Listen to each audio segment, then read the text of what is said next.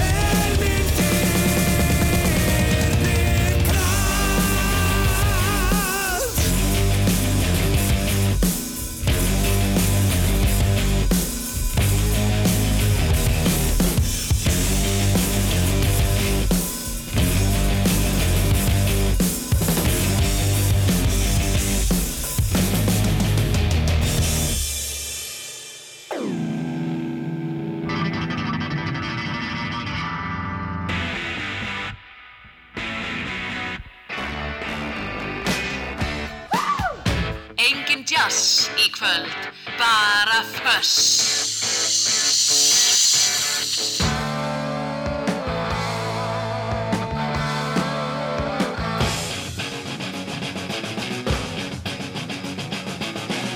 Þetta er þöss. Það á að vera hátt.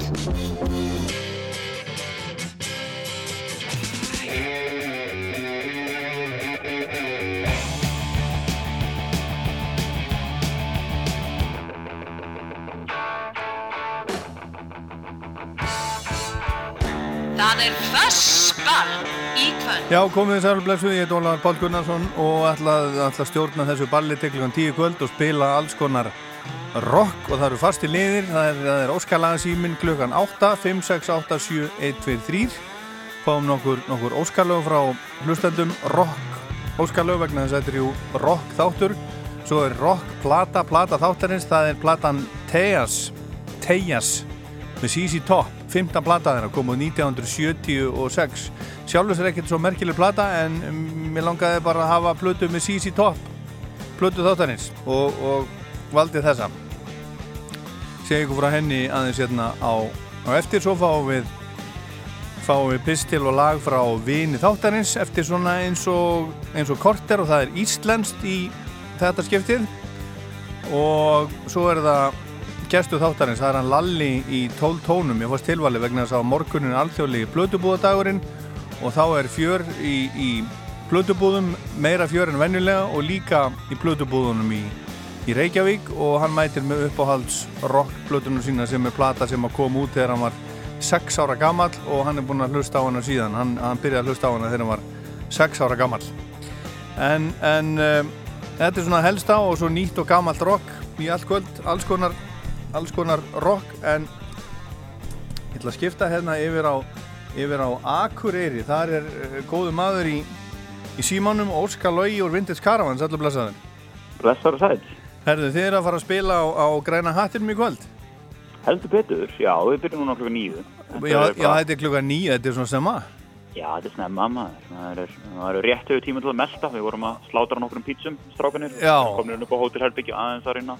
Róa okkur niður, já, akkurat og, og hérna búið að taka soundcheck og svona Jú, jú, sandaði ansi vel. já, hafið ekki, hafið ekki spilað nokkur sinnum, sinnum á græna hattinum Jú, algjörlega. Fyrsta sinn var nú fyrir tíu árum síðan. Það er góður áratúr síðan við spilum í fyrsta sinn og þá vorum við hitu fyrir túndufleitt. Það var mjög eftirminn. já, já, já, já einhverjir pollar að spila það sko. Já, já. það er margt, margt gert síðan þá og jú, þetta er öruglega, jú, við komum alltaf mjög reglulega þetta er nú, þetta er nú einstakur staður og, og er, einhvern veginn verður alltaf upp á tólkastaður þeirra sem spila hérna Já, já.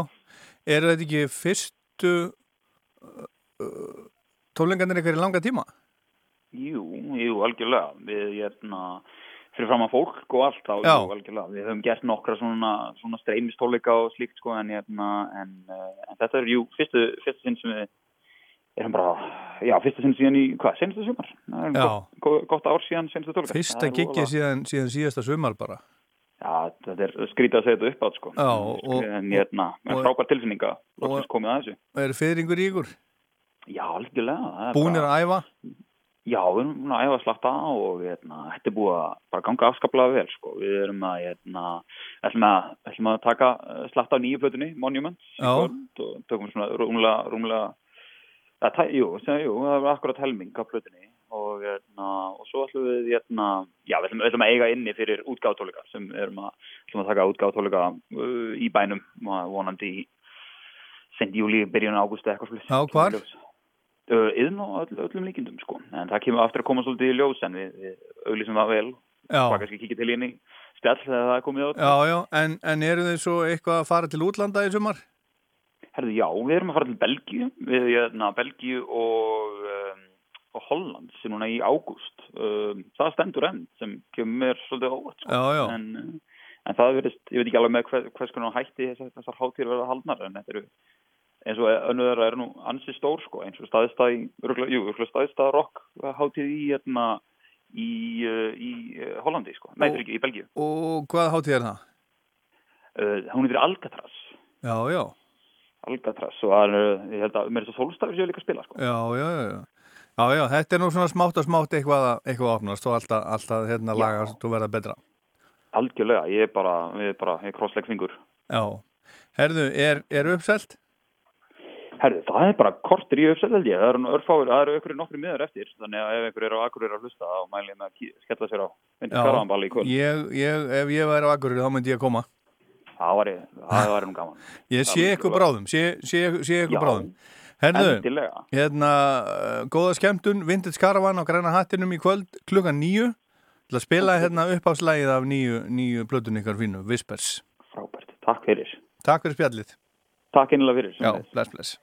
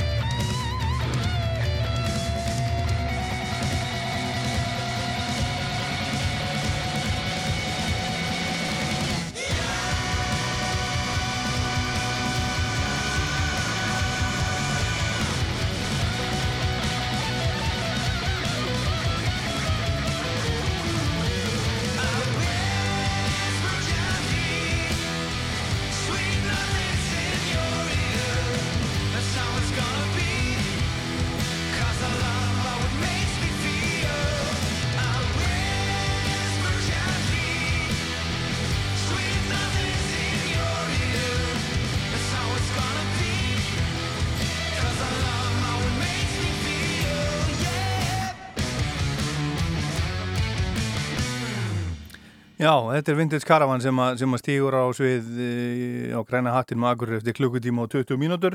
Eitthvað, eitthvað sem leys ég glemt að segja að, að þegar við kannski þekkt þetta allt saman fyrsta lagi sem ég spilaði hérna var af nýju dimmuplötunni sem að heitir Þögn, minn þyrni krans heitir lagið og þeir voru í viðtali í, hjá mér í Rocklandi síðasta sunnudag þegar Ingo Geirdal og, og Steppi Jaka vilja heyra það og getið fundið það í, í Eh, rúvappinu eða á rúv.is eða, eða fundi þáttinn í podcasti á iTunes eða Spotify til dæmis.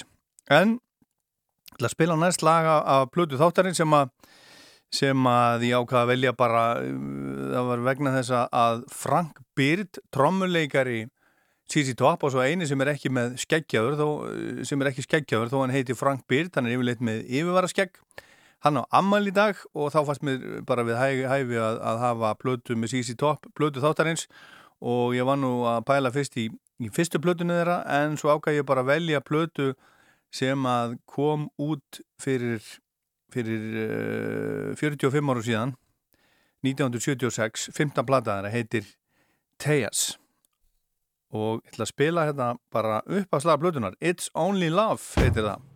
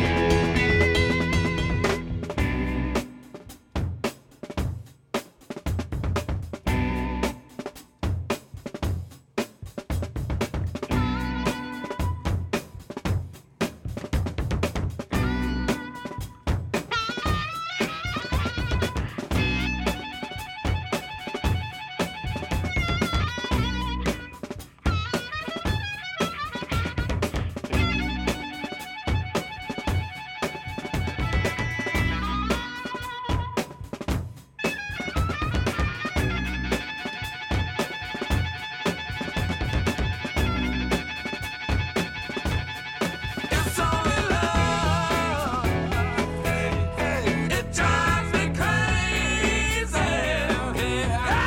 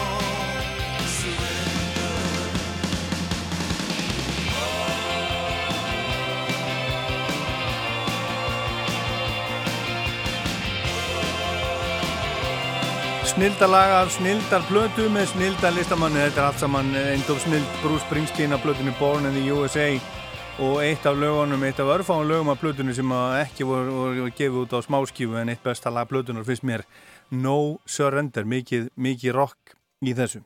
En þá er það sendingin frá vini, vini þáttarins.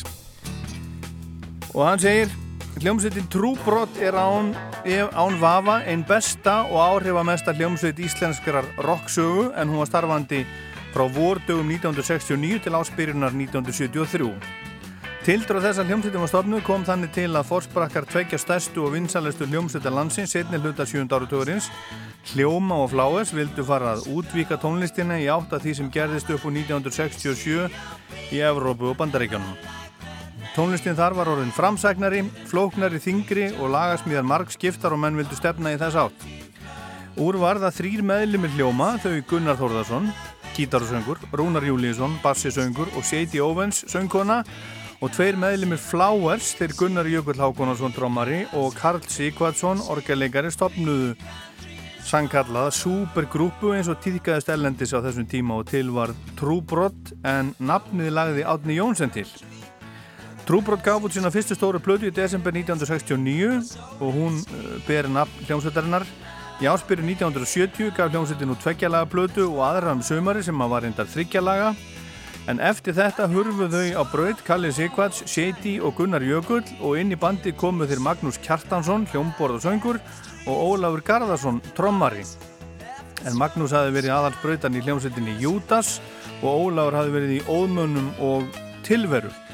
Í desember 1970 kom út önnu stóra platan undir áhrifum og í árspyrju 1971 genguðir aftur í bandið Kalli Sigvarts og Gunnar Jökull og Ólafur Trommarinn látin fara og í júli kom út platan Lefun. Kalli hætti fljóðlega í hljómsveitinni eftir að Lefun kom út en hinn fjórir held, heldu áfram og mitt ár 1972 kom út fjórða og síðasta plata Trúbrots Mandala og endalögin lágu fyrir þó þeir hafi starfað til áspyrjuna 1973 og lokin var trúbrot orðið að sex manna bandi. Það leikur engin vafi á að Livun er langt besta plata trúbrots og eina bestu plötum íslenskrar rocksögu og svo sem hloti hefur mest lof og, mest, og er mest selda platan þeirra. Hinn að þrjár hlutu á sinu tíma góða dómu, dóma og fína sölu en menn höfðu samt mísjarnar skoðanir á þeim. Önnur platan þeirra undir áhrifum sem kom út réttur í jólinn 1970 fekk til dæmis misefna dóma og sömur lofuð hana en öðrum fannst ekki mikið til koma. Nafn plötunar var svolítið tvírætt því fyrra á árinu hafði Gunni Þórðar viðkent í viðtali við tímaritt í vikuna að meðlimi trúbróts hefðu reykt Mari og Anna og allt var vittlust og hljómsveitin fekk ekki að spila á nokkurum stöðum í framhaldinu og hins vegar vísanafnið og þá, og þá aðalega til þess að meðlimir voru undir áhrifum erlendra hljómsveita og það má glögt heyra á plötunni að það er hægt að finna áhrif til dæmis frá Crosby, Stills, Nass og Young, Procol Harum, Jethro Tull og ennfremur gætir mikill áhrifa frá ymsum hljómsveitur sem á spiluðu þunga og framsækna tónlist og gætir jafnvel smá sækadelju áhrifa.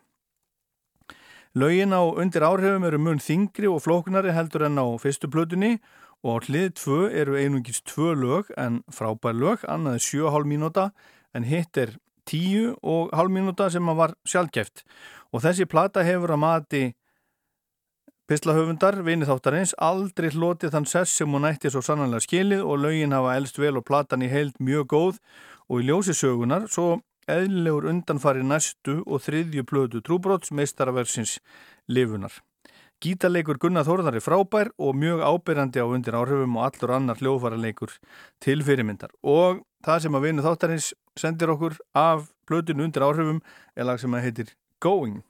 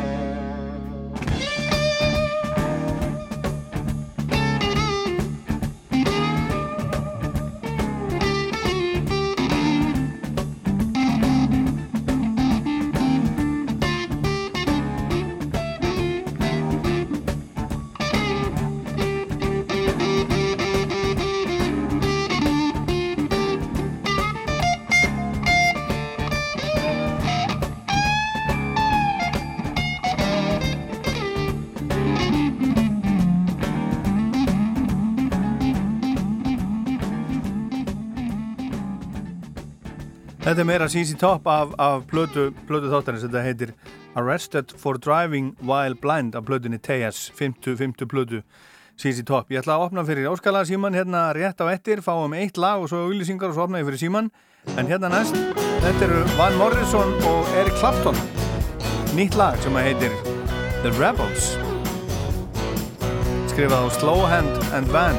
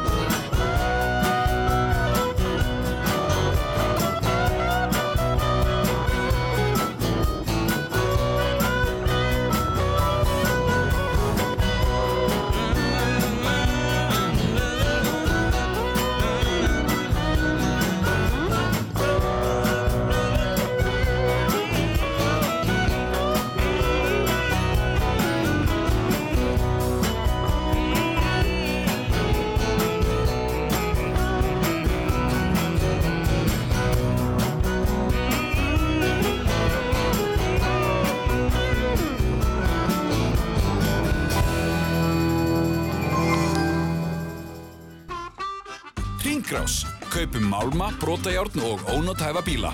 Við tökum við því ef það er málmur í því. Ringrás.is Opið til klukka nýju öll kvöld. American Style.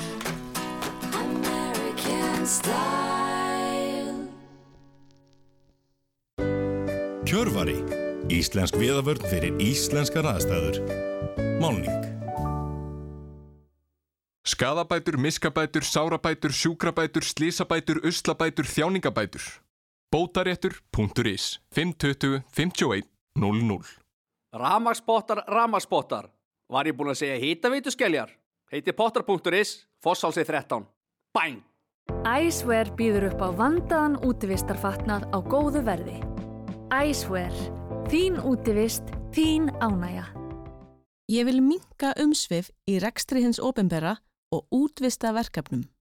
Ég heiti Sigþrúður Ármann og ég ósk eftir þínum stuðningi í þriðja sæti í prófkjöri sjálfstæðisflokksins. Sumarið gerir allt aðeins léttara. Rétt eins og TM appið sem sparar þér tíma og fyrirhöfn. Ert þú með TM appið? Það besta í lífinu er byggt á öryggi. TM. Hugsum í framtíð.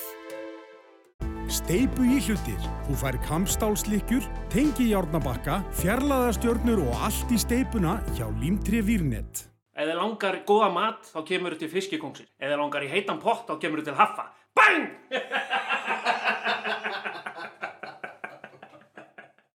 Það verður sangöldu sumarstemning þegar stefnir í að 55 miljónir skelli sér í pottinu um helgina. Verður þú heppin og færð að slaka á með þeim í makindum? Lotto. Leikurinn okkar. Ómissandi á Ostabakkan er hinn ljúffenga þrenning úr dölunum. Auður, ljótur og höfðingi. Dala Ostar. Gott handbragð úr dölunum. Veðurspáinn skiptir minna máli ef þú málar með Fassat Resist útímálningu frá fluggar. Hitin má fara nýr í 2 gráður og svo má rigna á hana eftir hálftíma. Flugger litir. Þín býður sumargjöf frá kringlunni í þjónustuverinu. 2000 króna afsláttur í völdum verslunum. Kringlan af öllu hjarta. Hjámiðja, höggborvél og sponsbor. Eigum þetta allt og miklu meira. Verkfærasalan. Alvöru verkfæri. Þegar ég grilla kemur bara SS grillkjöt til greina. Úrvalið er frábært. Við það bara sjá til þess að grilla þetta góða kjöt af snild og velja gyrnilegt meðlæti. SS. Fremstir fyrir bragðið. Það er föss.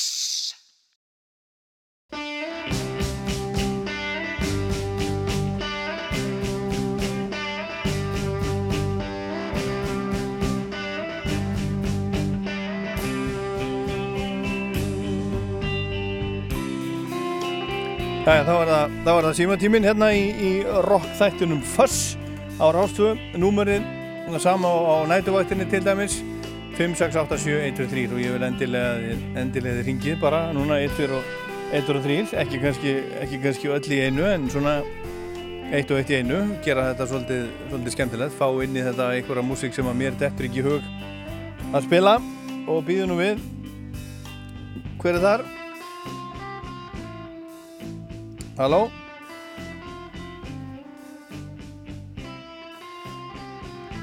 Hvað er að frétta?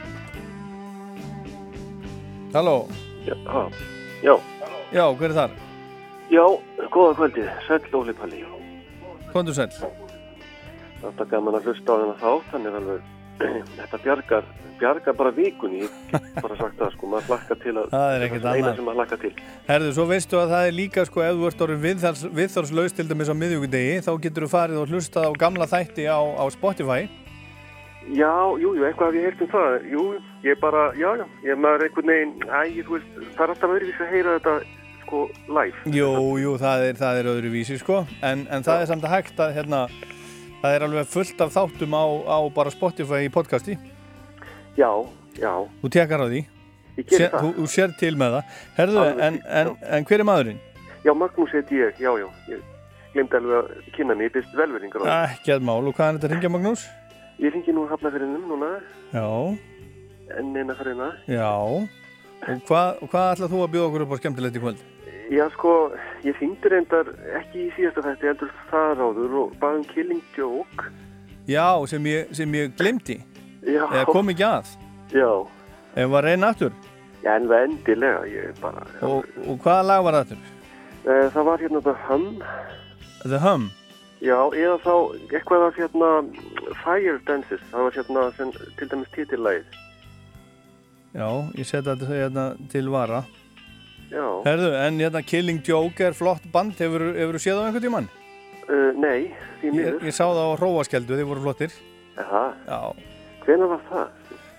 Það var bara fyrir nokkrum árum. Ég man nú ekki, þetta rennur nú svo uh, mikið saman. Ég fór alveg 16 ári í röð sko á Róaskeldu og svo fór ég ekki nokkur ár og svo fór ég aftur og, og eitthvað. Ég man ekki alveg, man ekki hvenær þetta var. Þetta gæti, gæti verið 10 ár síðan sko. Tíminn er svo enginlegur í læginu. Já, já. Já, þeir eru alveg svakaleg, sko. Ég hef nú mjög gaman af því að sjá það náttúrulega, en ég náttúrulega veit ekki hvernig það verður. Þú gerir þið bara ferð, sérstakka ferð til þess að sjá það. Ég á ekki vona á að þið spili á Íslandi. nei. Nei, nei. Nefna, jú, hluta þeim gerir það nú einhvern tíma með, er það ekki einhverjum úr þeysu? Jú, jú, það var hljómsveitin Æsland. Já. Jú, jú, það voru Jazz Coleman og, og, og Hilmar Örn og, og hérna og einhverjir. Ég man nú ekki alveg nákvæmlega hvernig þessi saga öll var. en Það, það, þarf, að- það þarf að segja þessa sögu. Já, alveg endilega. Ég reyna, reyni, reyni kannski að platta á einhvern tíma manni í þátt. Já, ég man að, hérna fyrir ekki, nú ætlum ég ekki að hafa þetta mikið lengra, en ég man að ég hefði einhvern tíma nú talað um að það fundist einhver segulbönd hérna með þeysurunum, hérna einhver master teipi eða eitthvað í einhver staðar í hljóðrita eða eitthvað. Það Já, það eru sko, það eru til einhverju upptökur sko með þessum, þessum það voru einhverjur úr þeir og, og Jazz Coleman sko. Já, já, já. og hérna þetta er til einhver staðar. Já, já. Við finnum út úr þessu. Herðu, en ég spila Killing Joke á eftir. Takk, Takk fyrir að ringja. Það var gott. Rástvö. Rástvö. Halló, Já, já, gott kvöld. gott kvöld. Voðalega heyri ég eitthvað ill í þér. Nú, það er skrítið. Þetta að keira. Já, Okkur er, okkur er það skrítið. Þú ert með þrálusan búnað í bílnum. jú, jú. Já, það er aldrei, það er aldrei gaman að tala, eh, það er, það er mjög gaman að tala við þig sko, en, en Já, það, er aldrei, það er aldrei svona drauma staða að vera hinum hinn og línunni þegar það er að tala svona í heilan bíl. Ég skil. Ég, hérna, ég er ekki vön. Ég er vennilega heima, bara- ég, ég er ekki vön í, sko. Nei, ok, Nei, ég er vön að tala, ringa einu bara þegar ég er heima. já. Herðu, en hvernig er ég að tala við? Villu? Já, þetta er villa. Hvaða, hvaða flækingur er á þér? Að ég er bara að þvælast í þessari borg. Tvælast í þessari borg? Já, já. Já, já, gott En með ég þig. ætla bara að ska, skammast mín heim á morgun trúlega. Já, Já, já. En heyrðu, Já. við langar svo agalega að heyra í, hérna, Black Sabbath. já, og af því að unnu sýstir og, og vinkonanna þær eru grusnast í svimabústunum og besta senda en það er með hérna, hérna sabbat, blöti sabbat Sabbath, Bloody Sabbath. já Þetta ekki vel á það Mér líst alveg gríðarlega vel á það. og það finnst að hækka í bort en það gera það aldrei er svo gamla Er það? já, Það er gera það núna. ég vona það, ég ætla bara að rekna Það er gera það á eftir. Ok, Herðu, en þær heita segiru? Unnur Já. mamma Sandra Já. Unnur og Dísa? já, Já, já, já. Herðu, þetta er komið. Þetta er Thank you komið. very much. Takk fyrir, Alright. gaman er í þér. Bless. Við heyrum. já, Bless. bye Rástu? Já, góða kvöldið. Já, hver er þar? Sigþór þig. Og hvað ringið þú, Sigþór? Er Kópur. Já. Og hvað ætlað þú að bjóða okkur upp á? Herðu, ég sko, þú ætlaði að sveikst mig senast með, með Black Sabbath. Já, hérna, ég ætlaði að spila Warpigs. Já, en Já, sko, ég kom því bara ekki að. Það er stundur sem að, sem að ég, ég, ég misreikna mig, sko. Það er bara, bara góðu lagi, við gerum öll. Já, en ég ætla að spila blab, Sabbath, Bloody Sabbath hérna á eftir, sko. Já, já, ég ætlaði að byrja vissast, en ég skulum ekki, aftur, ekki, ekki taka fleiri Black Sabbath lög. Nei, Uh, Ég var ekki með að hugsta leikra, sko. Ég, ég, ég taka það bara eitthvað, bara mistur, nei, tökum, uh, Primus, um, æ, hvað heitir lagið eftir, þarna, þú þekkir það Primus lítið, Já, ég er ekki, hef ekki hlusta mikið á Primus. um, æ, tökum bara eitthvað sem engi þekkir eitthvað, eh, bara Wy- Wyanos Big Brown Beaver, Þetta þetta segja aftur. Wyanos Big Brown Beaver, Why? Wyanos, ég, ég held maður að segja þannig. Þú finnur þetta bara með Big Brown Beaver, sko. Já, Big Brown Beaver. Já. Já. Herðu, þetta er komið, þetta er komið. Það er flott. Takk kærlega, hafa það gott. Sömuleiðis. bless. Bye. Símin 5687123 hérna á Rástvö. Þannig er eitthvað skrítið að gerast. Hver er þar? Halló Rástvö. Já, hver er þar? Það er Sigur heiti ég. Ok, hvað ringir Sigurður?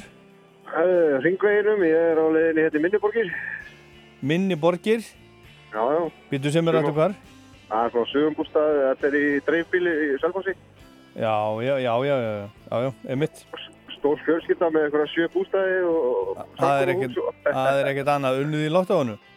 Já, já, ég er sem tók hérna 1200 miljónur þetta, sko. Já, er það ekki? Keift alla bústæði. Já, gott, gott með þig. Herðu, en hvað ætlar að bjóða okkur upp á? Herðu, Stevie Ray Vaughan, uh, Voodoo Child, áttu það til? Já, ég veit það. Alveg klikkuð útgáfa. sko.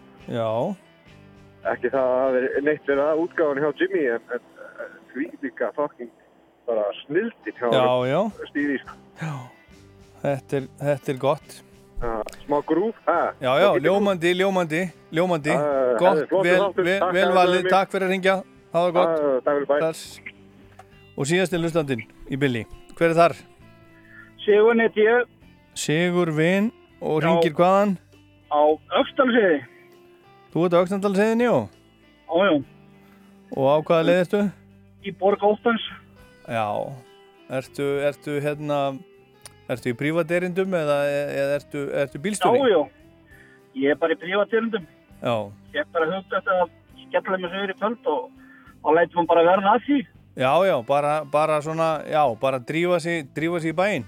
Jájó, það er í betri buksurnar og drífa svo að stað. Já, já, ég kerði þetta nú um daginn, ég var á Akureyri um daginn, sko, þetta er nú ekki Já. eins langt og, og svona, og maður heldur. Bein, þetta er ekkert mál. Engi vandi. Æ, Herðu, og hvað eh, langar þig að hlusta á? herðu, ég held að ættum að því að skólanir eru búnir og svona að spila þór með utanbarsmunum. Já, Hvernig líst þér á það? mér líst gríðarlega vel að það. Já. Já. Herðu, og nú er, nú er Bubbi að koma með enn en eina plötuna, sjálfsmynd. Já, Já, hann verður held ég bara betri og betri með aldrin. Já, hann verður ekki allavega mikið síðri. Æ, nei. Og hann er með tónleika í Eldborg 16. 16. júni á útgáðu útgáðu daginn og, er hann með, og hann er með streymi líka. Já, hann má ekki missa því. Ætlar, ætlar að tjekka á því? Já, klárlega. Já. Já, þetta er, nú er þetta, þetta er það sem kemur út úr COVID. Nú, nú halda með tónleika og eru með streymi líka, sko. Já, já, þannig að það er ekki að setja allir á sama borð. Ha? Þannig að þá setja allir á sama Já, borð. ég menna það er sko, þú veist, það er, það er auðvitað þannig þegar það eru tónleikar í Reykjavík og það er full, fullt af fólki út á landi sem að langar að koma en það er bara svo dýrt að keira, Já, já. keira fara og fara kannski á vera hóteli og svona þannig að þá er þetta Já, já. ágættis valkostur svona, ef menn vilja Já. vera með að bara kaupa eitt miða, eitt streymi miða. Ef þú átt góða græjur í stofinni, þá er þetta geggjast. Já, já, já, já, þetta er, þetta, þetta er, þetta er skemmtilegt og þetta er líka, sko, það er skemmtilegri líka að vera svo, sagt, með í þessu meðan þetta er live. Það er allt annað að horfa á þetta eftir á, en veist, Já, að já. vera bara þegar þetta er live, þá Já, er þetta já. bara, það er bara skemmtilegt, þannig að þetta er, Já. þetta er skemmtilegt. Herðu, en, hérna, þú þekkir Dave Grohl. Já. Hann á dóttur sem heitir Violet Grohl, hún er 15 ára Já. og þau voru að gefa út lag saman. Þetta er gamall lag eftir, eftir hérna punkljónsett frá, frá LA sem að hétt X. Og, og þetta kom út 1980 og, og þetta eru sem sagt um, Dave Grohl spilar á gítar Violet dóttir hans, 15 ára, rauðharð hún syngur. Kristnó Vasilits hérna úr, úr Nirvana spilar með á bassa. Og Dave Lo- Lombardo hérna, trommuleikar og Slayer hann trommar Þetta þe- getur ekki klikkað. og þetta ætla ég að spila næst Ertu tilbúin í það? Ég er klár. Ok, takk fyrir að ringja Ok, og farðu takk- varlega takk sömuleiðis. Bless, bless, Já, takk. bless. Það heitir Nausea Þetta er splungun nýtt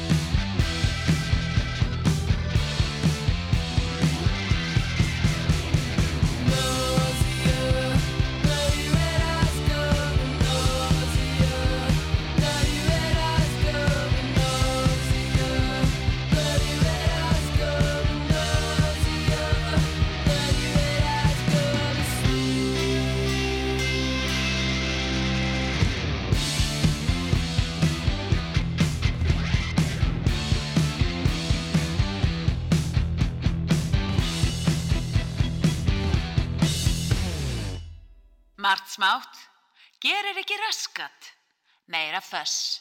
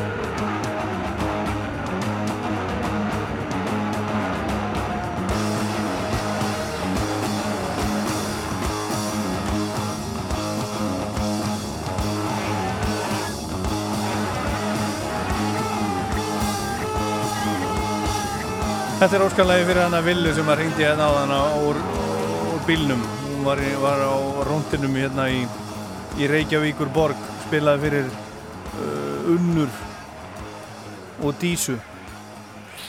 Sabbath, Bloody Sabbath, Black Sabbath. Það spila næst lag, nýtt lag með hljómsveitinni, skosku hljómsveitinni Churches. Uh, Robert Smith úr, úr Cure gestur í þessu.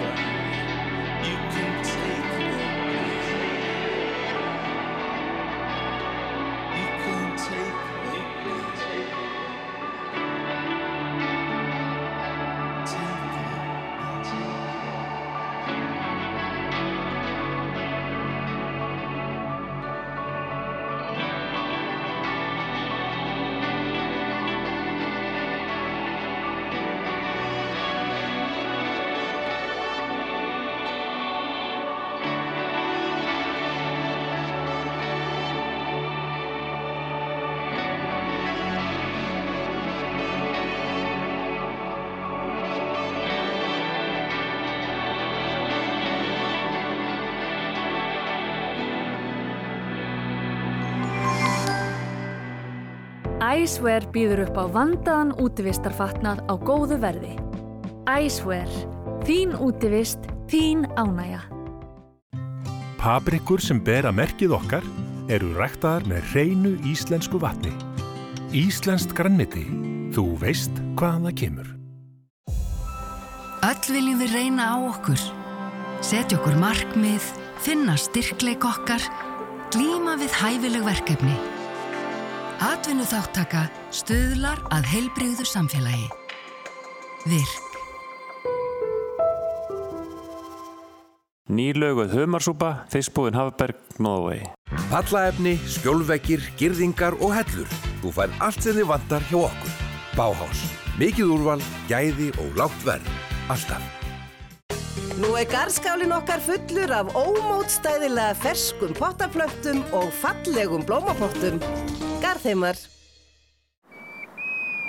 Hjólhísi, hjólhísi. Útilegumæðurinn Mosó. Ég vil minka umsvif í rekstri hins ofinbera og útvista verkefnum.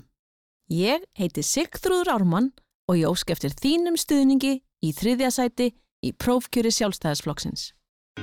Sumarið er í Ylva. 25% afsláttur af sumarhúsgögnum. Nældu í sumarhúsgögn á frábæru verði fyrir sumarið. Ylva Korputorki og Norðutorki Akureyri. Gefum tónin með grillinu og kveikjum á sumrinu. Kránan. Vaðlegar, veiðiár og veðursælt. Ævintýrin býða þín í borgarbyggð. Nám á þínum forsendum. Sveianlegt og fjölskylduvænt fjarnám við Háskólan á Bifröst. Kíktu við í Bíkó á laugardaginn og gerðu frábær kaup á sumarhátti Bíkó. Þú færð ís og börnin fá sumargjöf. Kem ég aftur heim til þín Úði pluss vörn frá Sonax gefur góðan gljáa, hrindir frá sér vatni og veitir endingar góða vörn gegn óhreinindum. Haltu bílnum við með Sonax. Nói Sirius kynir sumarkroppið 2021. Brakandi fest bananasumar. Nóa kropp með bananabræði gerir sumarið enn bræðbetra. Nói Sirius. Einmitt svona bragðast ferskleiki. Tært íslenskt vatn, humlar og fyrsta flokks bygg. Skál fyrir þér.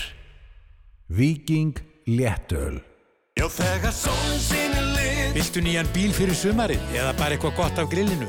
Komdu á sumarhátti Toyota í Kauptúni og Toyota Akureyri á morgun millir klukkan 12 og 16 grillveisla, litríkir bílar og sölur átjáður í sumargýr Sjáumst í sólskinskapi Toyota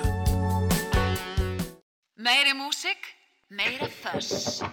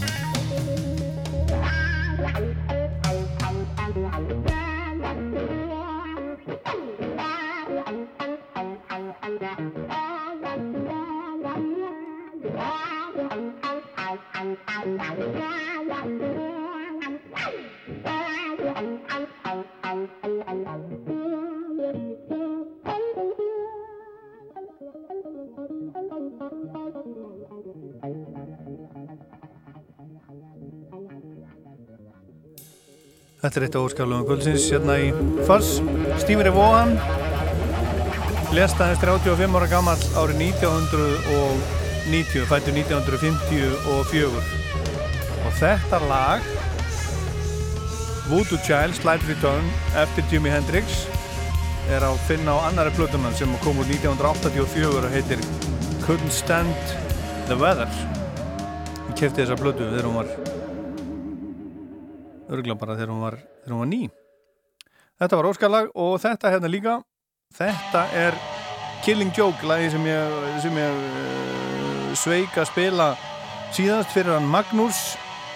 Þetta heitir The Hum að blötu sem heitir Revelations kom út 1982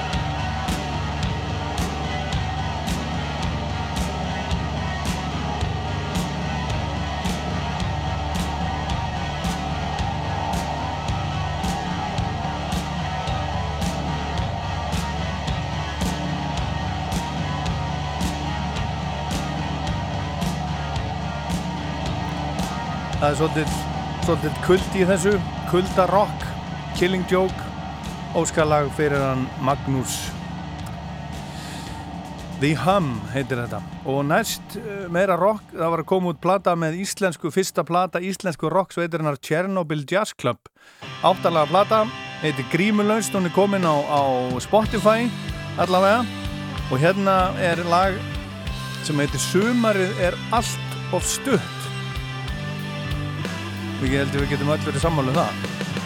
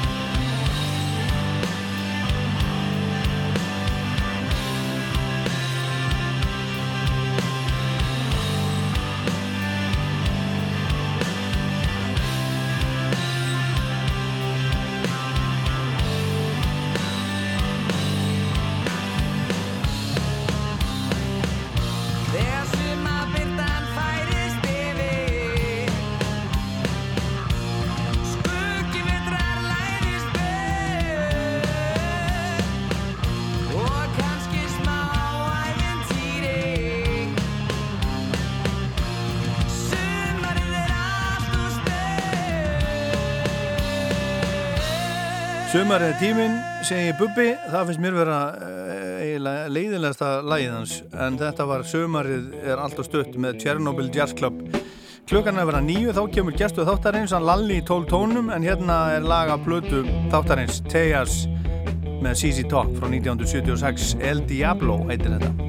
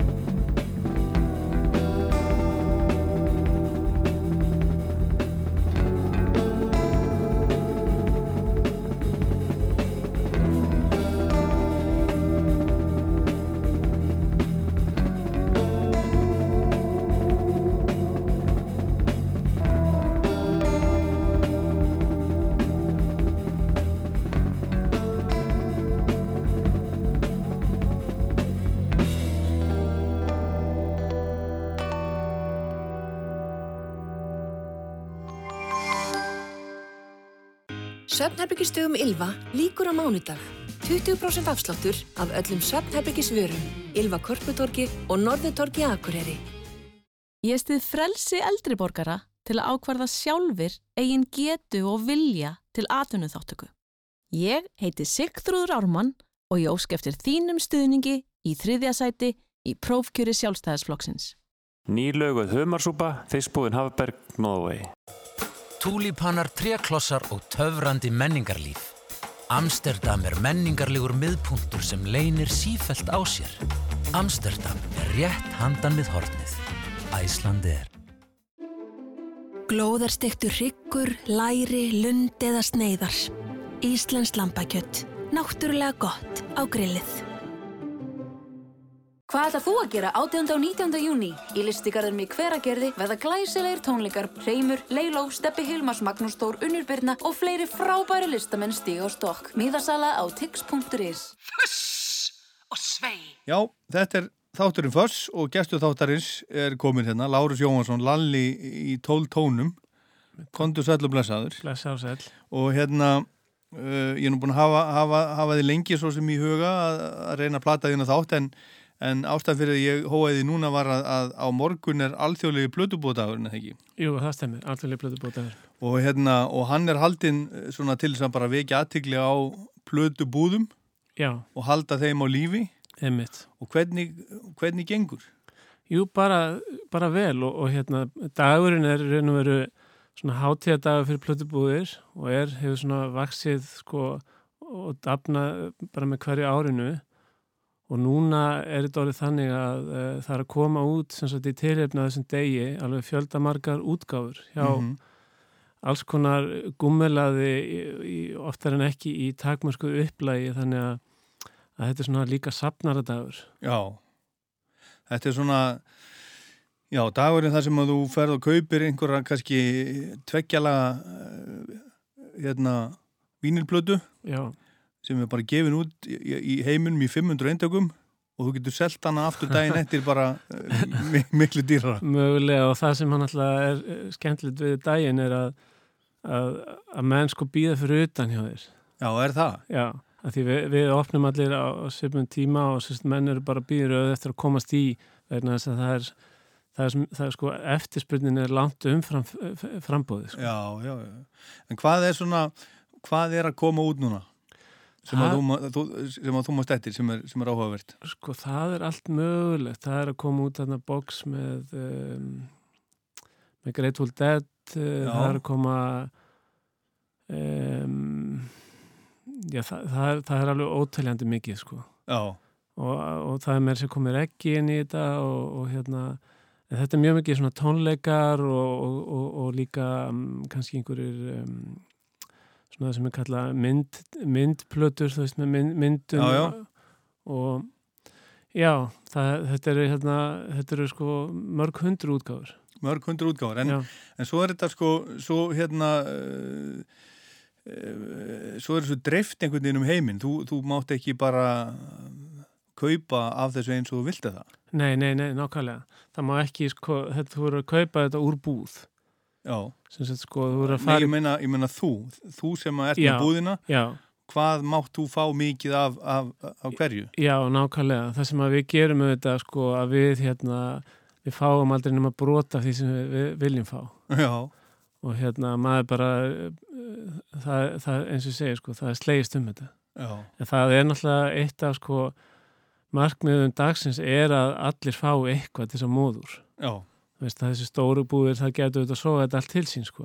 Mhm. En þú veist, hugmyndin er samt að, að hérna, leifa öllum að vera með og svona bara fá fólk til umhersunar um það, þú veist, hvað, hvað er plötubúð og, og hérna, hvað þýðingu hefur það fyrir mig að, að það sé starfandi plötubúð í mínu umhverju og svo framvegis. Mhm. En hvaða plötu búðir eru, eru í Reykjavík? Það eru þið, það er Lucky Records, Já. það er Smekkleisa. Já, og það er hérna Reykjavík Records. Já, Reykjavík Records. Og svo er geisladeska búið Valda. Já. Þannig að við erum svona fimm eh, búðir Já. á mjög svona eh, litlu svæði og, og, og mjög ólíka búðir en hver hefur svona sín styrkleika og saman er þetta mjög svona öllu heilt með að við sko mannfjölda sem býr hérna. Já. Og hérna við erum auðvitað alltaf að keppa eh, við við erum mjög margt samanlitt líka og það er eitt sem að, að mér til dæmis það er mikilvægt fyrir mig að séu fleiri búðir. Já.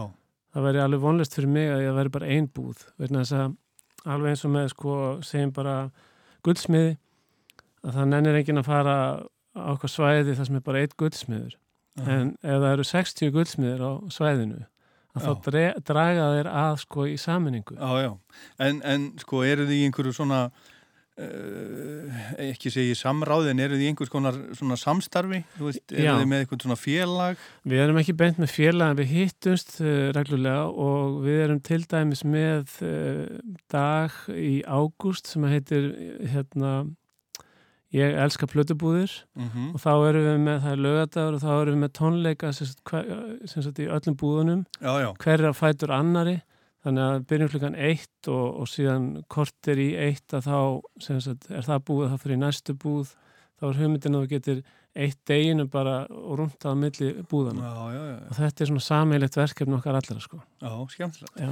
En, en hvernig er, er á morgun? Eru, eru einhverjir uh, tónleikar eða, eða upp og kom, komur á morgun? Já, ég er með tónleika út í gardi og ég, ég var að frétta að það er ekki rigning, það er mjög sátt við það og hérna og síðan er ég með markað út í gardi og ég er bara með svona almenna svona hátíðastemmingu Já, já. og ef, ef, ef, ég hérna er í stuði þá dreif fram grillið og, og hérna skell einhverjum pulsum á, á Já, já. þannig að hérna, já, við bara, við þetta bara já, eins og ég segi, mjög, mjög skemmtilegt að fá þetta fólk í hús Já.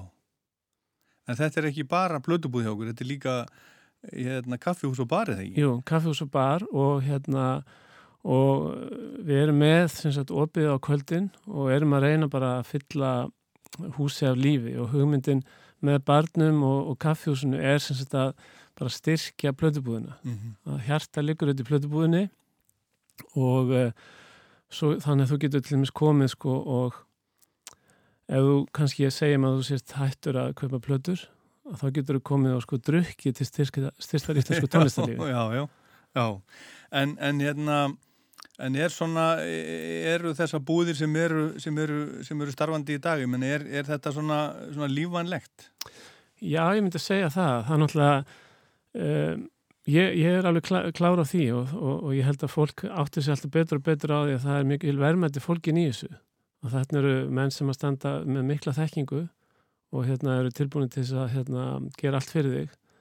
Ég held að þessar búðir hafi bara elst núna Já. í hérna, að, já, sem sagt núna í þessum, í öllu þessu sem er búið að vera að gerast.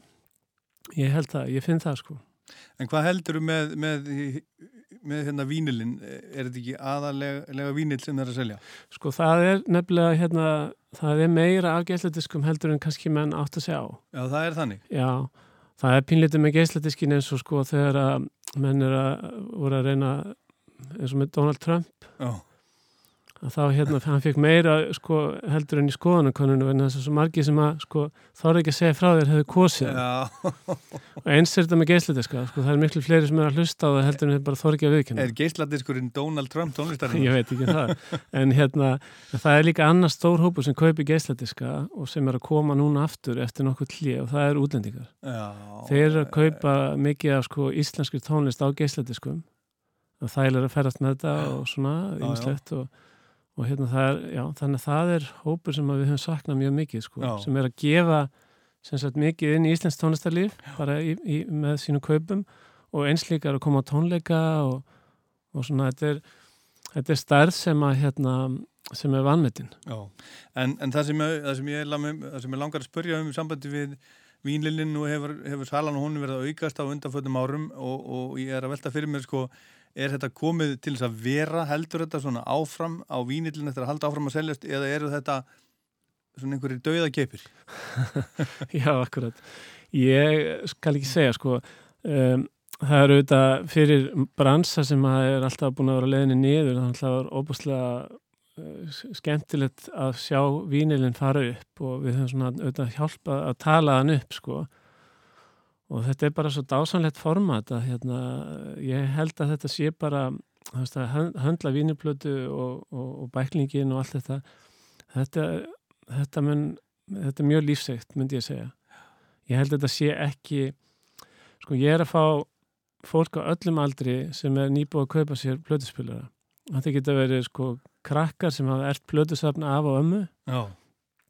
Ég fekk hérna tvær konur áttræðsaldri sem voru nýbúinar að kaupa sér hérna plötuspilara og hreinsu upp alla bílaplötunar Já. og, og hérna þannig að þetta kemur mér bara svo skemmtilega óvart Já, þetta er allavega hana.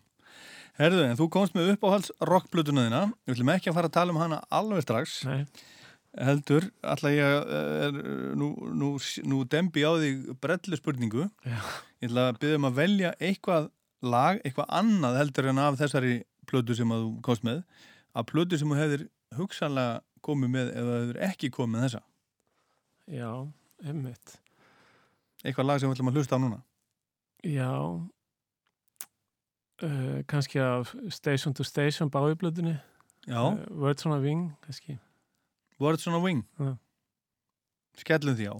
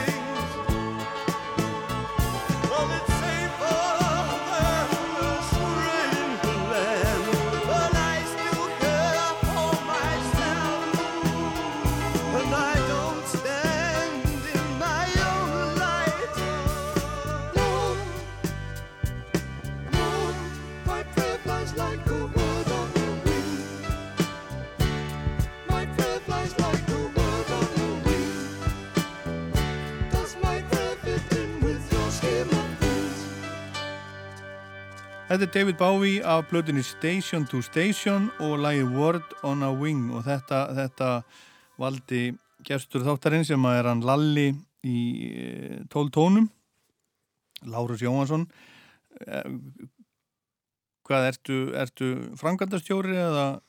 Ég er eiginlega bara allt mögulegt sko. Ég, ég býti kaffi, ég skilin vask skýslum, ég reynsa salernin og, og, og gerir bara allt sem þarf. Já. Uh, já, já, ég er náttúrulega boss. Já, og er, er þetta alltaf jafn gaman? Já, það er sko, ef þetta, þetta verður að vera gaman í grunninn sko, sem sagt að, að meðan þú hefur gaman að því að sjá brosið á einhverju andliti sem að er að heyra eitthvað sem þú er búin að mæla með og meðan þú fær eitthvað út úr því að þá hérna ertu bara á góðum stað Mm Hvað er svona, svona hel, helst að seljast? Það er allt mögulegt að selja sko það náttúrulega er uh, Er engin svona ein plata núna sem er, sem er að seljast meir en aðrar? uh, Jú, við höfum verið að selja og vel af sko bríi til dæmis Já. og þessum hérna ungu frábæri listamenn sem eru koma upp og, og það, en það er mjög svona breiðsala sko Mhm. um, Já, ég myndi segja það það er ekkit svona kannski eitt sem að skara fyrir, það er náttúrulega alltaf að koma blötu sem eru sterkar en hérna náttúrulega Víkingur Ólafsson er alltaf sterkur í okkur við erum náttúrulega mjög svona sterk tegnslu klassíkina sko Já. og fólk svona kemur í okkar búsvaldi til þess að kaupa hana Já. það er náttúrulega þvílíkt æventýri Já, já. það er með ólíkjendum sko Já, já. Herðu, en Lalli, já. plata sem þú komst með, Já. sem að, uh, þetta er svolítið erfitt að, ég menna, svo, svo hérna, hver og einn sér þetta bara með sínum augum, uppáhalds rockplatan, Já. en þín er, gjör svo vel. Já, það er sem sagt hérna Deja Vu, eða Deja Vu hérna með Crosby, Stills, Nass og Young Já, kemur svolítið óvart. Já, einmitt sko, ég hugsaði þessi mynda en þessi plata kom út 1970 og, og hérna, og ég, þetta er eina svona mínu fyrstu tónlistamenningum. Ég á eldri sískinni, ég á sýstu sem er fætt 1956 sem að hérna var að kafa í þessari músikadri og, og þessi bara plata hefur einhvern veginn, hún er svona, mm, hún er einhvern veginn ljóma hjá mér þessi plata. Já. Ekki síður sko bara, ég man að ég var að höndla bara umslæð, þú veist að umslæð er svo óbúrslega fallit á henni Aha. en það kostaði það sko þrjusessunum meira heldur en, heldur en sko umslæð kostu á þessum tíma Já, er það? já, já, og hérna platan var alveg dýrari sko Já, hún var alveg, hún var, kostaði dólar meira heldur en, Já, er heldur en já, hún kostaði sko næst í 6 dólara Já. En venjulega kostaði plötu bara 5 dólara en já, þetta er plata sem hefur bara fyllt mér alla efi En hvað, var, hvað varstu gammal þegar, þegar hún kom út? Já, ég var svona að verða 6 ára. 6? Já. Já, þetta er, þetta er svo, þú, þú ert svo ungur. Já, ég er svona rosalega ungur. þegar þú ert að hlusta á þetta? Já, já, ég byrjaði að hlusta sko bara, ég man ekki eftir mér án tónlistar sko. Já, já. Það er bara einhvern veginn eitthvað sem að, ég veit ekki, bara mjög svona eðlilegt. En hvað var það nú, hérna, hvað var það nú sem að, sem, sem að kveikti í, í Lalla 6 ára við þe- þessa, þessa blötu? Já, þetta er bara svo sko... ros- umslagið? Bara svo rosalegi töffarar sko. Já, því að fannst það? Já, bara einhvern veginn, já, og svo var þetta bara það er náttúrulega hljómur þarna sem að, sem að þeir ná að skapa sem einhvern veginn er menn hafa reynd svo sem að, að endurskapa en er mjög erfitt og, og, og hérna ég, ég hreifst bæði af sem sagt sko eh, svona því sem er hrátt og, og líka það, það sem er svona eh, fallegt Já. þessi plata hún svona hún er, hún er á mörgum stöðum sko Já, þetta var sko, þetta, þetta gekk ekki þrautalust, þetta eru náttúrulega sko, þetta er náttúrulega fjó, fjórir stórir egoistar sem eru í þessari hljómsveit. og það er búið að vera sko í rauninni stríðs ástand innan hljómsveitarinn alla tíð, líka þarna þegar þeir voru að byrja. Já.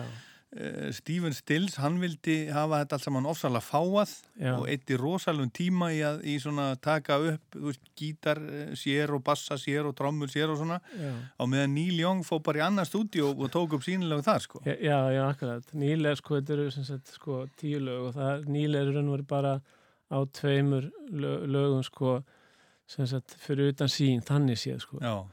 Og, og þeir auðvitað voru, það, er raun og verið bara tvö lög á plötunni þar sem þeir eru allir saman sko að taka upp. Já.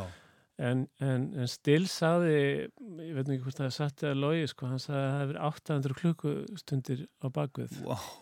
í þessu Það var einhver svakalug tími, svo Já. var þeir, svo var þeir hérna, kafi kókaini Já, og, já. og, og illindi og leiðindi Já. og, En það sem er svo skemmtilegt við þessu plötu er að það er svo margi þræðir sem að liggja í gegnum hana sko. Þess, þeir eru náttúrulega að koma þarna sko, Buffalo Springfield þarna Stills og, og, og Young og svo er Hollies, það er Nas og, og svo er eh, hérna, Crosby, Boregan og Birds Já. Þetta er náttúrulega stóra grúpur og svo tengjast þarna Jerry Garcia er á þessari plötu Jú, jú. Og Teach Your Children. Já, já, og, og Jóni Mitchell er hérna náttúrulega kærasta Nas og, og síðan eru þarna tengistu þetta Jimi Hendrix inn í þetta líka og, og, og það, er svo, það, er svo, það er svo margir þræði sem liggja í gegnum plötuna sem er svo aðtis þetta er svona þetta er svona íkonist plata og hún sko þetta er náttúrulega fyrsta plata þeirra fjögura en þetta er sko framhald af plötunni Crosby, Stills, Nash. Mhm. og, og hérna, þe- þessara plötu var náttúrulega beðið með mikill eftirvendingu og þetta er nú einn frægast á svona plata nummer tvö í sögunni Mhm. og hún var, for, sko, forpantanina voru tvær miljónir Já, já. og hún hefur selst í 8 miljón eintökum og þetta er sögulegasta plata þeirra, að- sem sagt, sko, hvers og eins Já. Veist, Níl, okkar maður, hann hefur ekki selt sko, neitt í 8 miljón eintaka sko, nema þessa þó hann eða skilið sko. Já. Herðu, en við ætlum að fá tvö lög, lög af plötunni. Já. Hérna, hvað hefum við að fá, fá fyrst? Sko, það er náttúrulega rosalega erfitt að velja en ég get ekki annað en tekið lagið Almost Cut My Hair eftir David Crosby. Það er bara einhvern veginn það er mjög mikilvægt lag fyrir mig. Þegar ég var hérna sex ára, það bara það, ég hafði ekki heyrt neitt sem var svona ógeðslega cool.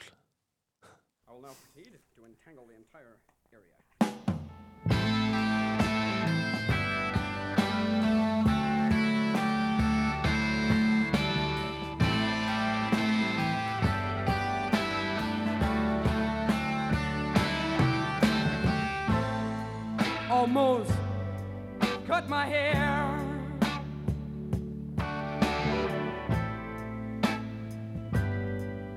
It happened just the other day. It's getting kind of long. I could have said it wasn't my way,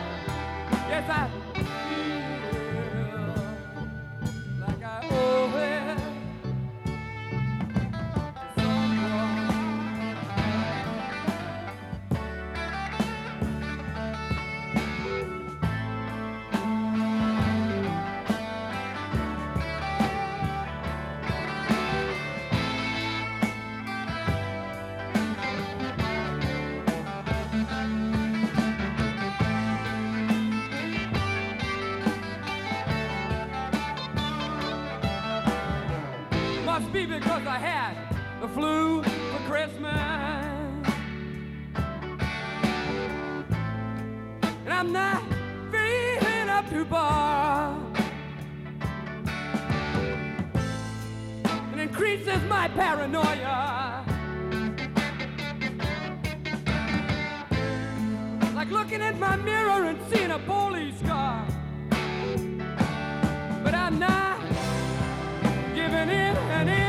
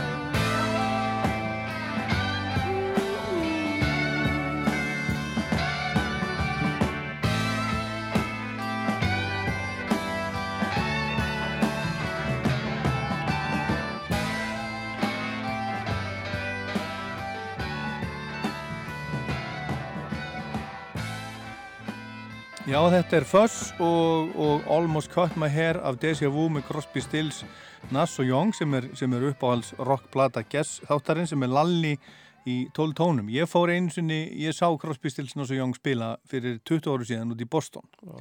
Fór til þess að, að, aðla til þess að sjá hérna Young Já. og ég mann hugsaðir fyrir 20 áru síðan, þetta var 2001, miðarnir kostuðu 23.000 Já. þá.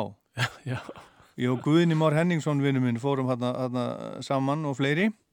Og hérna og sko þó ég hafi farið til þess að sjá Young þá var hápunktur tónleikana þegar Crosby tók Almost Got My Hair. Já. það var alveg ótrúlega vel gert hjá honum og kraftur í honum og, og svona, svo var ég að hlusta á hérna, hérna podcast viðtal við hann, nýlegt viðtal það sem að hann er að vinna með, með síni sínum Já, sem, að, sem hann hérna, vissi ekki af fyrir hann eða, eða svona hefur ekki þekkt í mörg ár, eignaðast hann svona, uh, svona óvart einhvern veginn í gamla daga Já. þeir eru að spila saman og svo er hann með hljómsveit sem sem er, það er hérna, ungt fólk og hann er að lýsa í þessu, þessu podcast viðtali hvernig músíkbransin er eiginlega bara ómögulegur í dag Já. þeir fá engar tekjur fyrir hérna streymi Já.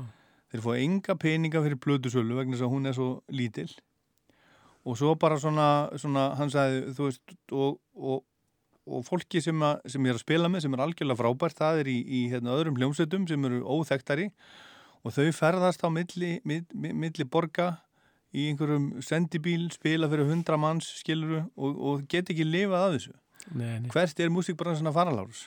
Já, jú, þetta eru þetta punktur og ég meina flestir, ég er náttúrulega með útgáðu líka og svona flestir þeir frábæri tónlistamenn sem að ég hefur unni með ekki um tíðina, þeir eru náttúrulega er að vin- vinna aðra vinnu til þess að geta stundið tónlistina sem þeir elska. Já.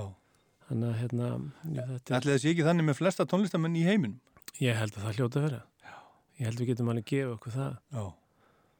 En hérna ég man sko, þetta tala um pening á túr og svona, þegar þeir fóru í túra aðna í kjölfarið og þá held ég að þeir hafi náð inn einhverjum 8 miljón dólarum Já. og þeir enduðu með halva miljón á kjaft. Já. Og fóru 6 miljónir í umbósmennina og svona eitt vana. Já. Já. En það er ábyggilega fyrir peningur, hálf miljón dólara árið 1970. Já, en núna, núna, er, núna er staðan þannig að það er, það er engin af þeim félagun sem að talar við Crosby. Nei. Eru allir búin að loka á hann. Eins og hann kemur nú skemmtilega fyrir. Eins og hérna. Egil Helgason til dæmis talaði við hann og hann var mjög skemmtilegu bara. Já, já, einmitt, og var búin að gefa út náttúrulega, uh, sko, ágætis plötur, einar fimm, svona undarfærin. Undarfærin, já, undarfærin ár, já, já. Og í raun og veru alveg st- stórmerkilegt hvað, hvað röddin er, en þá, þú veist, þetta er mjög sérstökur rödd auðvitað. Já, já. Það var auðvitað það sem að fekk á svona til þess að, sko, þess að þrjá, Nass, þeir, uh, að sko, röddina blönduðist svo vel. Já. Og þeir eru bara ástfangnir af sándinu sem þeir byggu til. Það var alveg, já, alveg ótrúlegu samljómur hjá þeim. Já, nákvæmlega. Og hérna, og, og, og uh, ég, þú, þú komst með plötuna ekki bara eitt eindag heldur þrjú eindag. Það er gamla eindagið þitt Já. þú, er það, er það eindag sem að þú fyrst hjá, hjá sýstuðinni? Nei, reyndar, eh, það, það, ég, það er ennþá sínu stað en, en ég hef átt nokkur eintök og ég á semst núna þrjú og, og hérna og meðal hans náttúrulega þessa stóru útgáðu sem kom núna í, í hérna, já, þess ekki bara mánuðið síðan. Já, Já, afmælisútgáfa með sem sagt sko plötunni í, alveg svakalega fínum gæðum með, með disknum og síðan með þremur diskum að auki með uh, stúdfullum af sko demóum og alternative takes og, og hérna og svona ýmislög sem komst ekki á auðvitað. Og hérna og svo auðvitað mjög mikið myndum, ljósmyndum Já, það er stór bæklingu með þess að sem er saga, saga í raunir hérna, plötunar Já. og ljósmyndir. Já. Er þetta sem sagt ein vínilplata með orginalplötunni, platan á diski líka og svo þrýr auka, auka diskar. Já. Er þetta algengt að, að það sé verið að gefa út svona bóks sem er, sem er bæði vínil og diskar? Það er svolítið um þetta, já. Það er náttúrulega þetta ákveðin þægindi svona að geta þvælst á milli sko, sagt, á diskonum í þessum demóum og svona. Já. Það, mér finnst þetta mjög sniðið, þetta blandið sér svona saman, sko. Þannig að ég, hérna, held að menn ætti nú ekki að fleia í getlaspilurunum sínum. Nei, nei, alls ekki. En það er nú ekki margir búnir að því maður.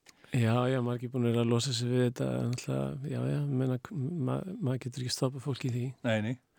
En hérna, en er einhver svona sem er þinn, þinn uppáhalds?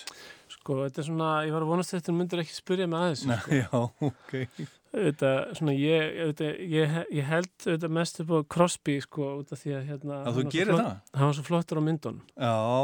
Og svo er eitthvað við hann, það er mjög tragist til dæmis á meðan hans eru vinslu plötuna stóð þá dó, dó kærast hann sem ég sviplega, lendi í bílslýsi og var að fara með kettina þeirra í, til dýralæknis og annar er að stekkur einhvern veginn og hún, sagt, hún, hún keir, klessir á og deyr.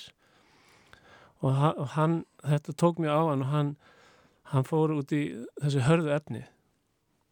En hann er með svona sympatísku karakter mínu áliti en, en auðvitað sko mestu tónlistamenninir í, auðvitað eru, eru Neil Young og Stephen Stills. Þó þessi ólíkir sko. Eh, það er engi spurningin um það og hérna ég hlusta, ég hlusta langt mest á sko Neil Young og Stephen Stills sko þeirra sóluöfni Já. Nas svona, jú, ég er náttúrulega ótrúlega fallir öll sko. Og en er kannski ekki alveg minn maður en, en samt sko náttúrulega æðislegur. Þú heldur mest upp á Crosby? Já, ég verð að gera það. Já. Herðu, Lalli, þá er bara, bara setna lagið. Já. af blöðunni. Já, við skulum taka bara fyrsta lagið á plötunni sem er eftir Stephen Stills, þetta er On, það er sko Nas kom til hans að meðan á vinslustofu og sagði sko við erum, okkur vantar lagið Já. okkur vantar lagið sko til þess að, keira plötunni í gang og hérna Stills kom með þetta lag daginn eftir Já, já. og þa- þar með var það mál úr sögunni Já. En þetta er hérna, þetta eru merkilegir, merkilegir kallar sko, röddin á Crosby, hún er, er söpuð líka í Níl og, og Nass held ég bara sömu líka en, en. Stephen Stills hefur einhvern veginn, hann hefur elst fóða illa fyrst mér, hann hefur örglega ekki farið vel með sig. Nei, náttúrulega í kjölfærið á þessu, það gáði náttúrulega allir út auðvitað frábæra plötur og, og hérna, nei, hann einhvern veginn sko, hann er, hann er öðruvísi sko, hann Já. er, hann er alltaf breyti hann kemur ekki úr þessu umhverju einhvern veginn, ég veit ekki alveg en uh, þetta gekk upp þarna Já. og þeir eru þetta sko, sko Crosby og, og, og, og hann þeir náttúrulega gerðu plötur og, túruðu mikið saman og voru með svona akustist set og maður getur alveg heyrt það fyrir sér sko hinn voru náttúrulega miklu meira rockarar sko, til dæmis þegar þegar Young var fenginn í bandið þá Stil sko var að leita sko, þú veist, Edsinu sko Já. Þú veist, ramagninu Ramaskýta leikara. sko. ramagninu sko og því þeir, sko, stilsaðingan áhuga því að þetta er eitthvað sko Simon og Garfunkel sko Nei, það var rockband. já, rockband sko Akkurat. Þetta er frábært, þetta er, þetta er náttúrulega bara ein af, ein af vörðum rocksögunar, þessi, þessi, þessi plata. þú sagðir þetta Já. Herðu, og við ætlum að heyra Carry On. Lárus Jóhansson, Lalli 12 tónum. Takk kærlega fyrir komuna í föss. Gaman, gaman, gaman að fá þú til hammingi með blötu, búða daginn á morgun og, og, og góða skemmtun á morgun. takk fyrir það og takk fyrir að hafa mig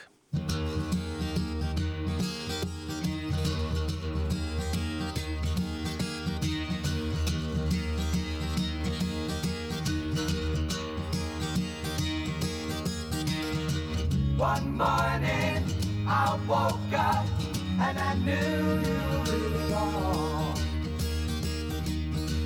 A new day, a new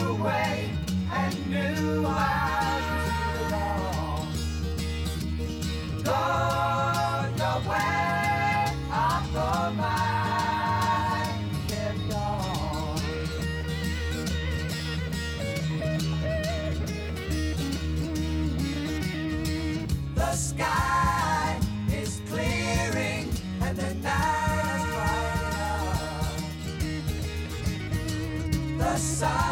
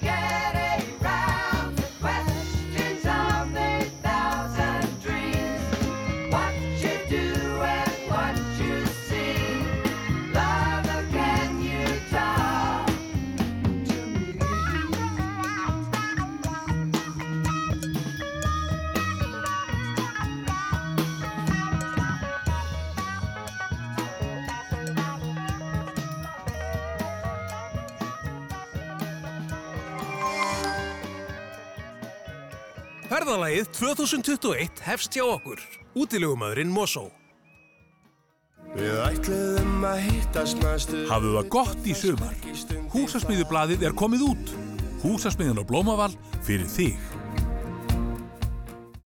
Hvað er dingjugos? Hversu laung er meðganga fíla? Hver er höfuðborgin á Madagaskar? Gáfnaljósið, spurningaþættir veru Ílluðadóttur á dagskrá Rásar 1, mánudag til 5. dags klukkan 2 í næstu viku. Úslita þátturinn á þjóðáttíðadaginn sjálfan 17. júni klukkan 2. Þættirnir verða svo aðgengilegir í spilara RÚF og í hlaðvarpi Rás 1 fyrir forveitna.